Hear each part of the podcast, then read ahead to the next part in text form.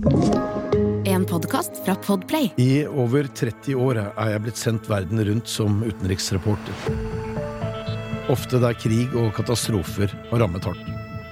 Jeg havnet tett på, noen ganger litt for tett på. Dette er noen av mine historier. Dette er noe av det jeg har sett og opplevd på nært hold. Jeg heter Fredrik Resvik, og dette er podkasten Med egne øyne. I dag skal vi tilbake til de to Gaza-krigene mellom Israel og Hamas i 2008 og 2012. Khaled Abedrabo satt ved ruinen av det som hadde vært et hjem. Sporene etter bulldoseren var fortsatt synlige. Han gråt og fortalte meg hva som hadde skjedd den dagen israelerne rullet over huset hans i Jabalia i utkanten av Gaza by. Fra grushaugen dro han fram en skitten, liten genser. Den hadde tilhørt datteren Amal på to. Han savnet henne så det gjorde vondt.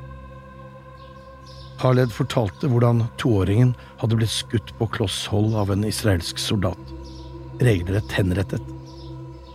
Et par måneder tidligere hadde han vært stolt far til tre vakre jenter. Nå var to av dem borte for godt.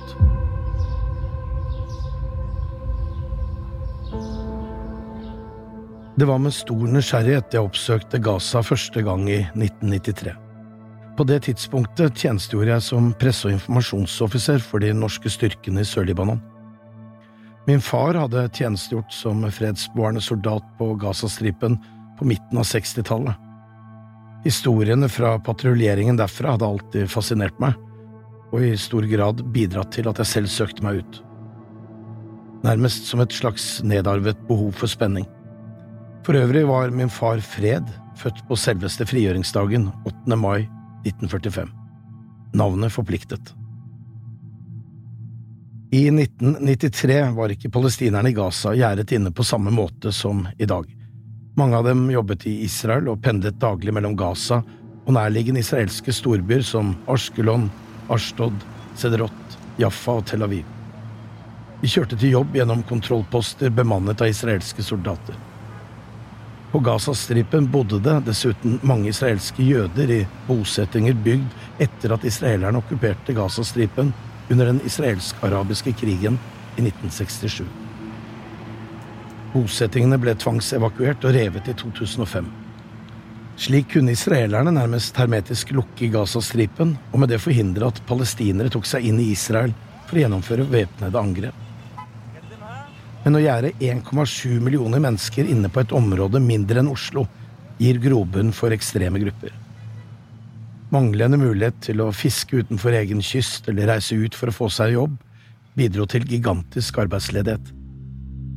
Unge menn sto nærmest i kø for å la seg verve til en av de mange gruppene som fra tid til annen gjennomførte rakettangrep mot Israel.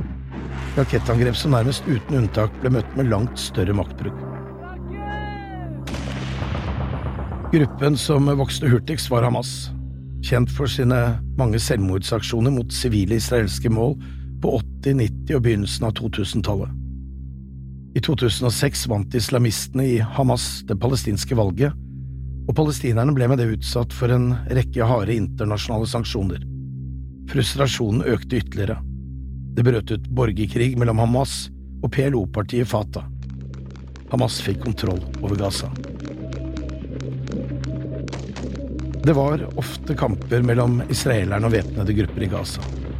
Palestinerne skjøt raketter mot Israel, og israelske styrker bombet Gaza med fly. Tidvis rykket israelske styrker inn på Gazastripen for å uskadeliggjøre rakettfabrikker eller våpenlagre. Men sommeren 2008 klarte Egypt å få partene til å signere en seks måneder lang våpenhvile. Målet var å bruke tiden på å forhandle fram en grenseløsning som palestinerne kunne leve med. Palestinske grupper brukte den rolige høsten til å ruste kraftig opp, og fikk smuglet inn mye våpen via tunneler under grensen til Egypt. I november ble våpenhvilen kraftig utfordret da israelerne bombet flere av tunnelene og sendte soldater inn på Gazastripen. Det kom til kamper, men så roet situasjonen seg for en liten stund. Dagen før våpenhvilen utløp 18. desember 2008, ble en sivil palestiner skutt og drept av en israelsk soldat helt nord på Gazastripen. Hamas gjorde klart at de ikke var interessert i å fornye våpenhvileavtalen, og fyrte av et tjuetalls raketter mot Israel. Det nærmet seg jul, og med det den tiden av året da vestlige journalister og hjelpearbeidere dro på ferie, vekk fra Gaza. Men to norske leger satte kursen en annen vei. Mats Gilbert og Erik Fosse, som i en årrekke hadde drevet opplæring av palestinsk helsepersonell, dro mot Gaza. 22. desember gjorde Israels statsminister Eud Olmert det klart at eh, Israel ville iverksette en større militær operasjon for å stanse palestinernes evne til å skyte raketter mot Israel. Med andre ord, Israel ville gå til full krig. Da julen ringte inn i Betlehem og andre kristne palestinske byer på Vestbredden angrep israelske jagerfly Gaza. Og bomber man Gaza, bomber man i all hovedsak sivile områder. Siden palestinerne ikke har mulighet til å flykte vekk fra krigshandlingene, er resultatet så å si alltid sivile tap. Tredje juledag gikk Israel til massivt angrep med jagerfly og kamphelikoptre. Over 100 mål ble bombet i løpet av de første fem minuttene. På politihovedkvarteret i Gaza by sto nyutdannede politikadetter oppstilt for å få utlevert eksamensbevisene sine da bombene falt. Minst 40 av dem ble drept. Totalt 230 palestinere ble drept på krigens første dag. Min planlagte juleferie fikk en brå stans. Jeg pakket med meg skuddsikker vest, hjelm og førstehjelpsutstyr og kom meg av gårde. Fly til Frankfurt, så videre til Tel Aviv da jumbojeten fra Lufthansa foretok en mildt sagt spektakulær landing for å unngå raketter. Palestinerne hadde fått tak i langtrekkende våpen. Som del av informasjonskrigen bestemte den israelske regjeringen seg for å nekte journalister adgang til Gaza. De ville heller at vi skulle legge alt inn på å fortelle om israelernes lidelser. Det skulle vise seg å være en svært dårlig strategi for når krigen først var over, ville vi fortsette å rapportere i lang tid etterpå. Legene Mats og Erik klarte å komme seg inn i Gaza via Egypt. De neste ukene skulle det i stor grad være de som holdt verden informert om de forferdelige lidelsene den palestinske sivilbefolkningen gjennomgikk. Sammen med svært mange andre journalister plasserte jeg meg på en høyde utenfor Gaza med utsikt til Gaza by. Høyden fikk etter hvert kallenavnet Hill of Shame, skammens høydedrag. Derfra kunne jeg se bombardementet av Gaza. Fra tid til annen måtte vi kaste oss i dekning for palestinske raketter. Og vi fikk etter hvert eh, selskap på høyden, israelske jøder som kom for å se på bombingen. Noen tok det som en ren familieutflukt og dro med seg campingstoler for å ha piknik på høyden. Noen få kilometer unna falt bombene. Applaus fulgte eksplosjonene i det fjerne. Daglig sto jeg i kontakt med min gode venn gjennom flere år, journalisten Najib i Gaza. Jeg visste jeg kunne stole på ham. Najib holdt meg orientert om hva som skjedde der vi inntil videre var forhindret fra å reise. Israelerne skulle ikke få styre vår dekning av denne krigen. Jeg hadde også direktesendinger fra byen Sedrot, den som ble rammet av flest palestinske raketter. Alarmene gikk ustanselig, men i Sedrot er det ikke langt mellom bomberommene. Ved et tilfelle gikk alarmen under sending, og jeg løp inn i nærmeste hus. Med den trådløse mikrofonen fortsatte jeg rapporteringen, mens kameraet fanget opp folk som løp ut av biler for å komme seg sikkerhet. Det var dramatisk på begge sider av grensen, men de palestinske våpnene var lite treffsikre, og gjorde lite skade utover å terrorisere israelerne i grenseområdet. Vi fulgte etter utrykningskjøretøyene for å komme fram til områder som var bombet. På israelsk side av grensen ble store hærstyrker nå oppmarsjert. Reservestyrker var innkalt, og en større bakkeoffensiv sto for døren. Israelske myndigheter avviste rapportene fra de to norske legene som løgn. Den israelske hærens prestetalskvinne Avital Leibovic fortalte meg at de ikke bombet sivile skoler eller sykehus. Vi bomber kun militære mål, løy hun. I den israelske storbyen Besheba, fire mil fra Gazastripen, ble en barneskole rammet av en svær rakett. Den palestinske raketten hadde blåst et stort hull i betongtaket og sprengt i stykker et klasserom. Dagen før hadde byens ordfører beordret at alle skoler og barnehager skulle holde stengt. Han ville ikke at mange skulle oppholde seg på samme sted samtidig. Det kunne virkelig gått galt. Da 2008 gikk mot slutten, løftet nærmere 20 skandinaviske journalister glassene og ønsket hverandre godt nyttår. Mens vi gikk inn i det nye året, kunne vi høre drønn fra bomber i Gaza. Et par ganger i løpet av kvelden gikk flyalarmen, og vi trakk oss mot kjøkkenet og vekk fra restaurantens vinduer. Fra Mats Gilbert fikk jeg nyttårshilsen med beskjed om at han og Erik Fosse nå var installert på Shifa-sykehuset. Der fikk de god oversikt over skadeomfanget som følge av den israelske bombingen. Israelerne slapp flygeblader og ringte opp folk i Gaza for å fortelle dem at området de bodde i, ville bli bombet. Men ikke alle hadde trygge steder å rømme til. En god del tok med seg det de klarte å bære, og gikk til den amerikanske skolen og FN-skolen i Gaza i håp om at de ville være trygge der. Det var det ikke. TV 2-fotograf Frode Hoff og jeg var ute og gjorde opptak til dagens nyhetsreportasje da alarmen gikk i Askelon. Frode stormet inn i et hus, og jeg kastet meg ned bak en meter høy mur. Raketten landet rett i nærheten og blåste inn vinduene i flere av husene rundt. Jeg gikk bort til en ni år gammel gutt som kom ut fra et av husene som ble ødelagt. Harell hadde tatt tak i lillesøsteren og dratt henne med seg inn på det kombinerte vaske- og bomberommet da alarmen gikk. Nå var lekene på stuegulvet dekket av glasskår. Mens vi sto utenfor og intervjuet Harel, gikk alarmen igjen. Sammen sprang vi inn i dekning og hørte enda en rakett ramme nabolaget. Frykten og motet, det hadde barna til felles på begge sider av grensen. Frykt for at de selv eller noen de var glad i, skulle bli drept. Mot til å ta seg av de som ikke klarte seg selv. Et slikt mot som Harel hadde vist. Vi har ikke gjort dem noe, sa Harel om Hamas. Dødstallene steg.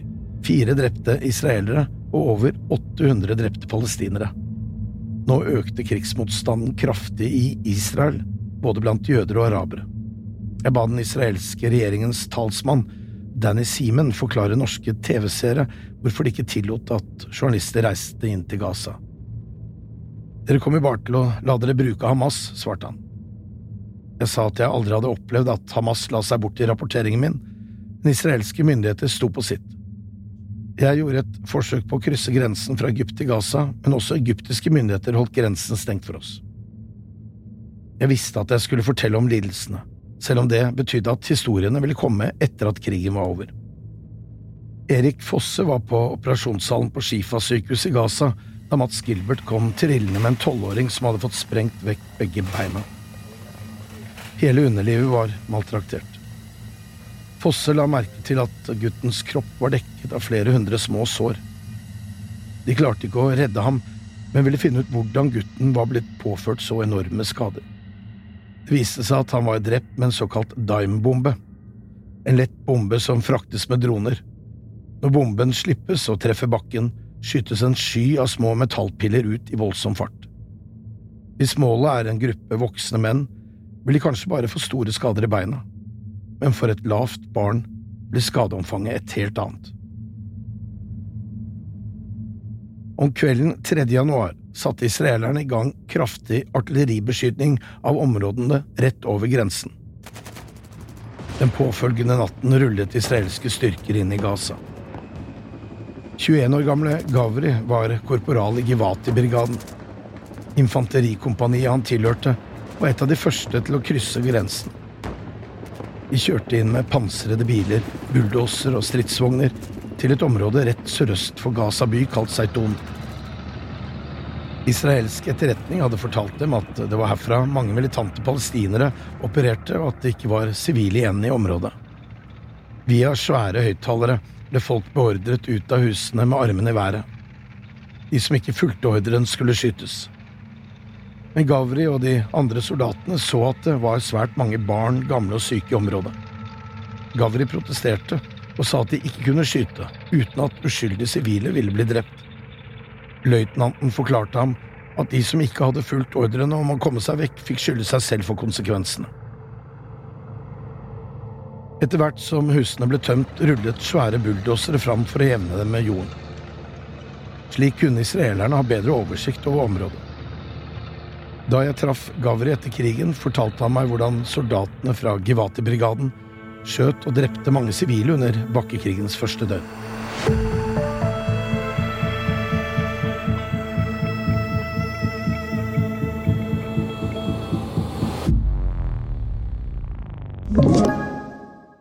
Rema 1000 kutter igjen prisene, nå på en mengde påskefavoritter.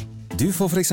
minst 25% priskutt på appelsiner i løsvekt, familiepakning med vaffelmiks fra Toro, tipakk Rieger kakao fra Freia og andre påskefavoritter.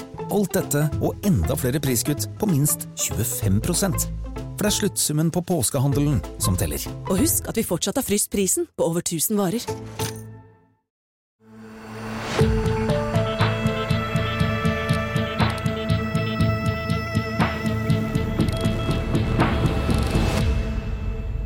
Den andre dagen kjørte Gavris avdeling mot en bygning det kom en mann ut av.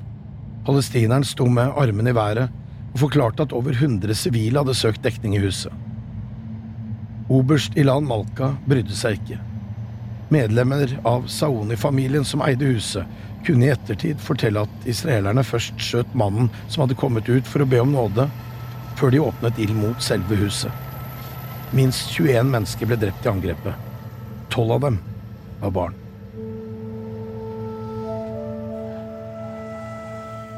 På Telof-basen til det israelske flyvåpenet traff jeg piloter som fløy tokt over Gaza. De sa at de gjorde det de kunne for å spare uskyldige når de bombet, og at etterretningsrapportene om målene var svært gode, men de raskt stigende dødstallene viste at det ikke var riktig.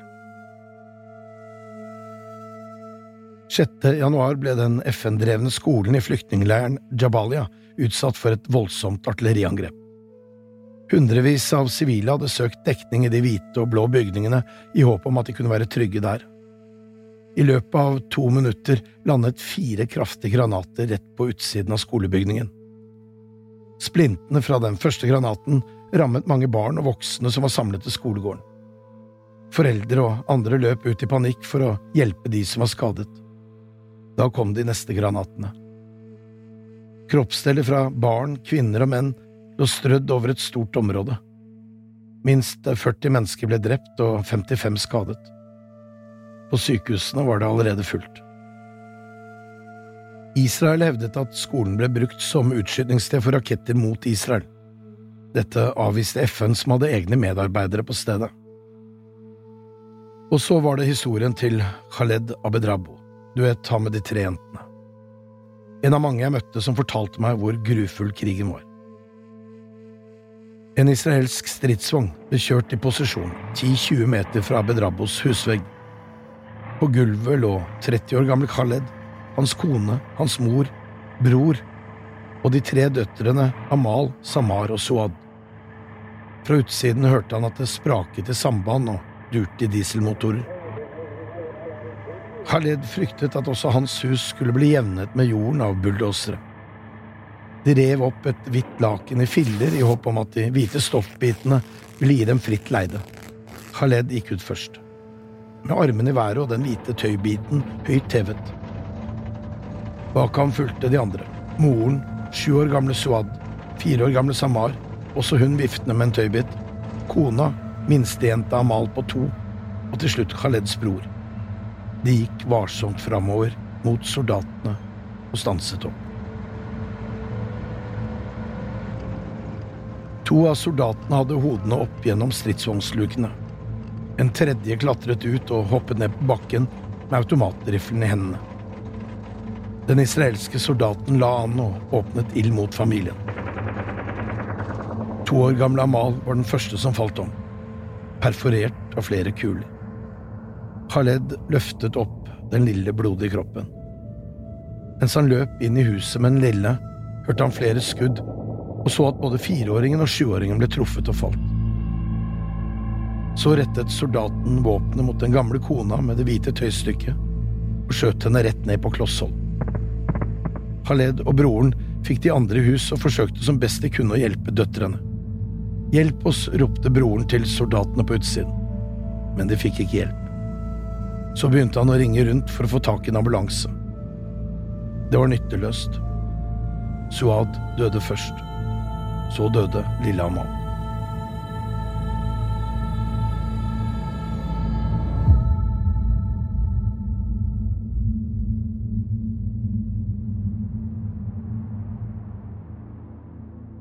Det gikk to timer uten at de fikk hjelp. Nå hadde Khaled bare én datter igjen, også hun skutt og skadet. Han løftet opp Samar og bar henne ut. Han så soldaten som hadde drept to av døtrene hans, inn i øynene. Jalla, ropte soldaten, kom dere av gårde. Det lille følget med to skadde og to døde personer i armene løp bortover veien til de traff på palestinske hjelpemannskaper. Det tok dem over en halvtime å nå fram til det nærmeste sykehuset. Derfra ble Samar i all hast fraktet til Shifa-sykehuset, der dyktige kirurger med lang krigserfaring sto klare. I midten av januar sa statsminister Eod Olmert at eh, målene om å redusere Hamas sin kapasitet til å angripe Israel var nådd. Om morgenen 18. januar trådde en våpenhvile i kraft. Israels utenriksminister Zipi Livni sa at det kanskje kunne komme noe godt ut av dette for palestinerne også. Hun mente at de hadde lært seg at de måtte støtte moderate ledere i stedet for fundamentalister. Nå åpnet grensen, og journalister fikk endelig komme inn i Gaza. Mot slutten av krigen ble det brukt artillerigranater med hvit fosfor. Dette er våpen som er lov når det brukes for å for eksempel skjule seg i en tilbaketrekningsfase, men forbudt brukt mot mennesker. På Shifa-sykehuset traff jeg Saba Abu Halima. Den 45 år gamle kvinnen var stygt forbrent på store deler av kroppen. Høyre del av kroppen var et stort sår. Det var der hun hadde holdt sin ett år gamle datter. Saba fortalte meg om den dagen artillerigranatene traff taket på huset hun bodde i. Metallsplinter fløy med voldsom kraft inn i leiligheten. Fra hullet i taket rant det brennende fosfor ned i stua. Men Saba og minstejenta var på kjøkkenet, befant resten av familien seg i stua. Saba løftet opp ettåringen og raste inn i stua, der hun så mannen og eldstemann på 14 ligge hodeløse og brennende på gulvet. Barna på ti og åtte var dekket av brennende fosfor. Saba gråt mens hun fortalte. Barna mine brant og ropte mamma, vi brenner, min gud som det brant så rant brennende fosfor ned på minsten. Det ett år gamle barnet smeltet fast i moren. Det måtte et kirurgisk inngrep til for å skille Saba fra sin forkullede datter. Hun hadde mistet alle. Sju år gamle Yaya viste meg fire graver i sanden. Der lå faren hans og storebrødrene Khaled, Mustafa og Ibrahim. Khaled hadde så vidt rukket å bli åtte år. De to andre ble ti og tolv. Etter at huset deres hadde blitt voldsomt beskutt, hadde moren Manal tatt med seg sine tre yngste til en FN-skole, mens de andre skulle komme etter neste dag. Den påfølgende natten ble halve familien utslettet under bombardementet. Da våpenhvilen inntrådde, var det gått to uker siden de døde. Det var en voldsom stank som møtte Manal og barna da de kom tilbake til det ødelagte huset. Israelerne er kriminelle og viser ingen nåde. Khaled hadde ikke gjort dem noe, sa Yahya om storebroren. Den tre uker lange krigen under årsskiftet 2008 til 2009 kostet 1400 palestinere livet. 900 av dem var sivile, og 300 av dem var barn. 13 israelere ble drept gjennom de grusomme vinterukene. Tre av dem var sivile. Fire av de drepte var soldater drept av egne styrker. Dette sier mye om maktforholdet mellom de krigende partene. FN konkluderte med at Israels bombing var kollektiv avstraffelse av et helt folk. De palestinske gruppenes militære kapasitet var betydelig svekket, men ønsket om hevn betydelig høyere enn før krigen. Israelerne gikk til valg og stemte konservative Benjamin Netanyahu og hans støttespillere på høyresiden inn i regjeringskontorene. mens verdenssamfunnet med Norge, EU og USA i spissen startet gjenoppbyggingen av Gaza. Så kom den arabiske våren til nabolandene, og palestinernes sak ble lite omtalt i vestlige medier. Spesielt fikk opprøret i Egypt og krigene i Libya og Syria mye oppmerksomhet. Palestinske grupper startet en opprustning av våpenarsenalene sine. Israel på sin side gjennomførte jevnlige angrep mot Gaza. Utenfor kysten patruljerte marinefartøy som skulle hindre innførsel av våpen til Gaza. Men fartøyene ble også brukt til å hindre palestinske fiskere å gå ut fra havn. Det måtte ende i en ny katastrofe. 10. november 2012 skjøt palestinerne en granat mot israelske soldater som patruljerte langs grensen til Gaza. Fire israelere ble såret. I løpet av få timer kom et boligområde øst for Gaza by under angrep. Fire palestinske tenåringer ble drept mens de spilte fotball. Så kom rakettene den andre veien. I de israelske byene Ashtod, Sederot og Ashkelon gikk sirenene. Den israelske forsvarsministeren gjorde det klart at et større angrep på Gaza ville komme når tiden var inne for det. 14. november kjørte lederen for Hamas' væpnede styrker, Ahmed Jabari, sammen med livvakten sin i Gaza. Israelerne hadde forsøkt å ta livet av Jabari før. Nå hadde den israelske etterretningsorganisasjonen Shin Bet fått opplysninger om hvor Jabari var på vei, og fra en ubemannet drone ble det skutt en rakett mot bilen hans. Det var en av de beste palestinske militærtaktikerne eliminert. Neste dag fulgte tusener av palestinere Jabari til graven. Og så avfyrte Jabaris krigere over 100 raketter mot Israel på under ett døgn. Gaza ble bombet fra luft, sjø og land, og nok en gang ble forberedelser lagt for en større bakkekrig med kavaleri og infanteri. Jeg pakket og dro. Og denne gangen hadde ikke israelerne tenkt til å gjenta PR-strategien fra krigen i 2008-2009. Nå ble papirer utstedt i ekspressfart, og allerede neste morgen kunne jeg krysse fra Israel til Gaza. Grenseovergangen er blant verdens mest spesielle, selv når det ikke er kamper. På israelsk side er det snakk om et betongfort uten vindusflater mot Gaza. Etter å ha vist fram pass og dokumenter må man inn gjennom en tjukk jerndør en svingdør av metallspiler som fjernstyres av en person som forteller deg hva du skal gjøre. Du kan egentlig ikke ha med deg mer enn det du klarer å bære. Jeg tok på meg den skuddsikre vesten og hjelmen. En stor bag som rommet mer førstehjelpsutstyr enn klær, ble heist opp på ryggen. Jeg fikk akkurat plass mellom gitteret i svingdøren og kom meg gjennom. Et fem meter bredt, tre meter høyt og nesten to kilometer langt bur på palestinsk side var det neste jeg måtte komme meg gjennom. Buret var bygget av israelerne for at de skulle ha bedre oversikt over hvem som nærmet seg grensen. Nå gikk jeg alene inn ved fronten mellom to krigførende parter. Jeg følte på ubehaget å komme meg gjennom buret så raskt jeg kunne. Ved utgangen sto min palestinske fotograf og sjåfør og ventet. De hadde sikkerhetsutstyr i bilen, men tok det ikke på. Mine formaninger ble møtt med det vanlige hvis min tid er kommet, så er det Allahs vilje. Jeg på min side pekte på at det var åpenbart at Gud trengte litt hjelp.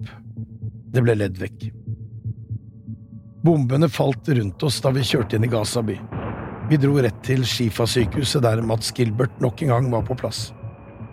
Han forsøkte å trøste en liten skadd jente som ropte på en pappa som ikke lenger var der. Hun ble lagt inn i en ambulanse med flere andre.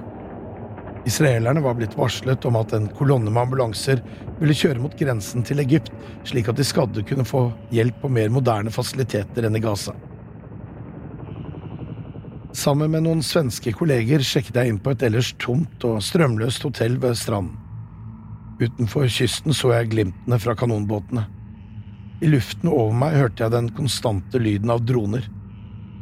Fra tid til annen lyden av dumpe eksplosjoner og jagerfly som brøt lydmuren i lav høyde slik at bygningen ristet.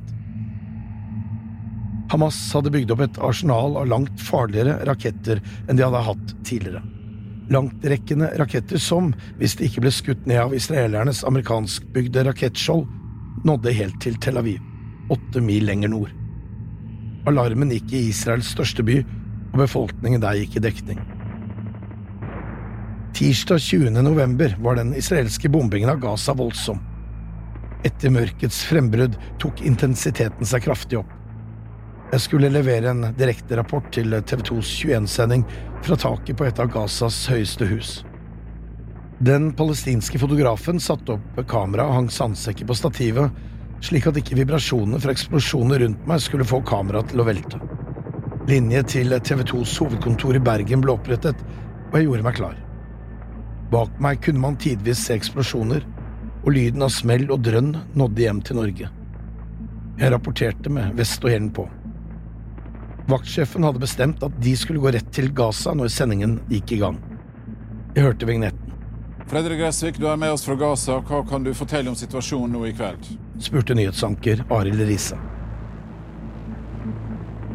Jeg kunne fortelle at rett før sending hadde vært flere flyangrep i nærheten, og at eh, over 200 raketter var skutt fra Gaza mot Israel i løpet av dagen. Jeg fortalte at det virket på signalene fra Hamas som om de var innstilt på en våpenhvile.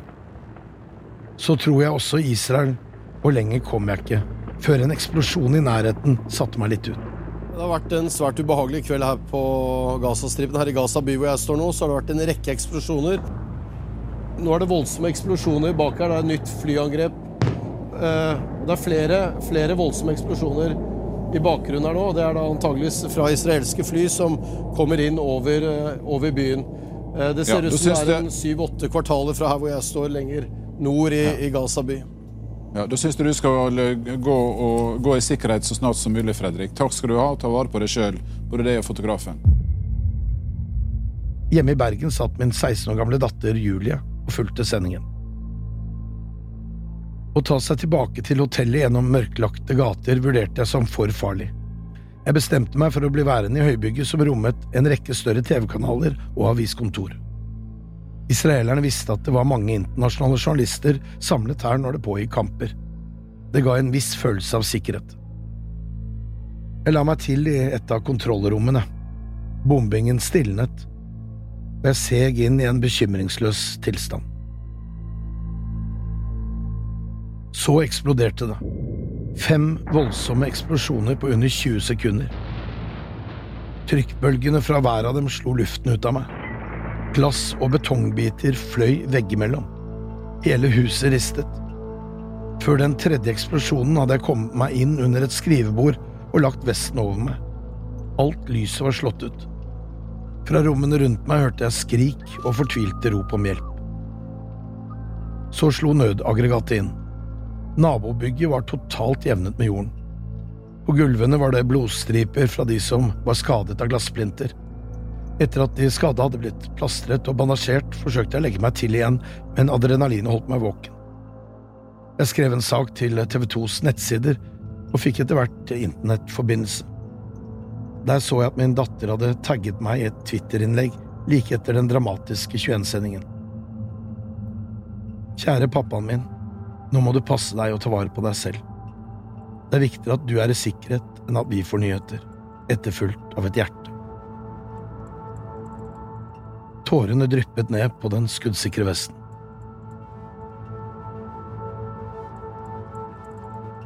Neste morgen filmet vi ødeleggelsen i nabolaget før jeg dro ned til hotellet. Det var godt jeg ikke hadde overnattet der, rutene på rommet mitt var blåst inn, glassplinter sto i madrassen. Jeg reiste opp til gjestehuset Marna House ved siden av Skifa-sykehuset. VG-kollega Harald Henden og Mats Gilbert bodde begge der. Mats hadde en ledig seng på rommet, så hadde jeg i det minste en anestesilege for hånden hvis noe dramatisk skulle skje. Mats introduserte meg til en palestinsk lege, sjubarnsfaren Maidi Naim.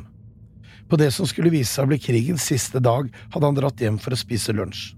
Hele familien samlet seg rundt spisebordet og satt og spiste da en rakett fra et israelsk F-16-fly slo inn i nabobygget med voldsom kraft.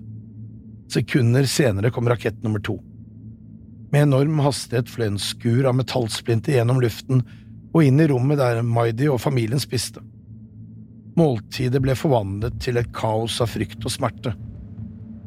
Tenåringssønnen Sami fikk en splint i brystet, og lillebroren Mahmoud truffet i det ene beinet. På gulvet lå Abdel, han som snart skulle fylle tre.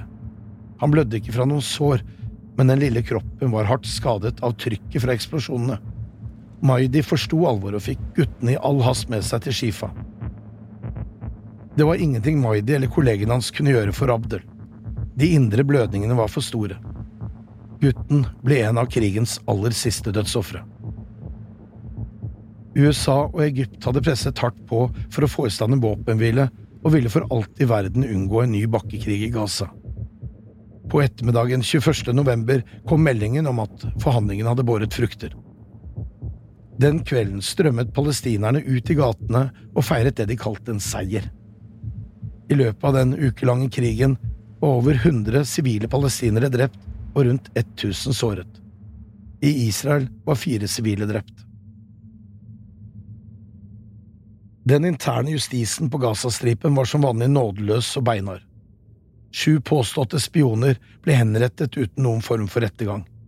Et av likene ble slept etter en motorsykkel gjennom gatene. En klar advarsel om hva man kunne vente seg om man samarbeidet med fienden. Eksplosjonene som vekket meg natt til 21. november, skulle forfølge meg i ukene og månedene som fulgte. Plutselig kunne jeg bråvåkne om natten og kaste meg i dekning, for så å forstå at jeg var hjemme i fredelig Bergen.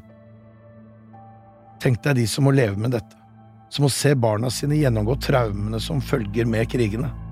De som ikke kan reise vekk når kampene stilner, eller rett og slett når de syns det har blitt for mye. De som ikke er så heldige som deg og meg. Alle kriger jeg har dekket, har disse elementene i seg. Den vissheten kan gjøre meg usigelig trist. Ifølge våpenhvilen skulle partene avstå fra å angripe hverandre igjen. Halvannet år senere dro jeg tilbake til Israel og Gaza for å dekke en to måneder lang krig mellom Israel og Hamas. Denne krigen skulle koste langt flere sivile livet enn de to foregående. Fredrik Gressvik med egne øyne er produsert av Bauer Media. Produsent for podkasten er Thomas Alsaker. Lyddesign og musikkomposisjon av Lars Petter Berg. Prosjektleder Øystein Weiber. Hør flere episoder av denne podkasten gratis på podplay.no.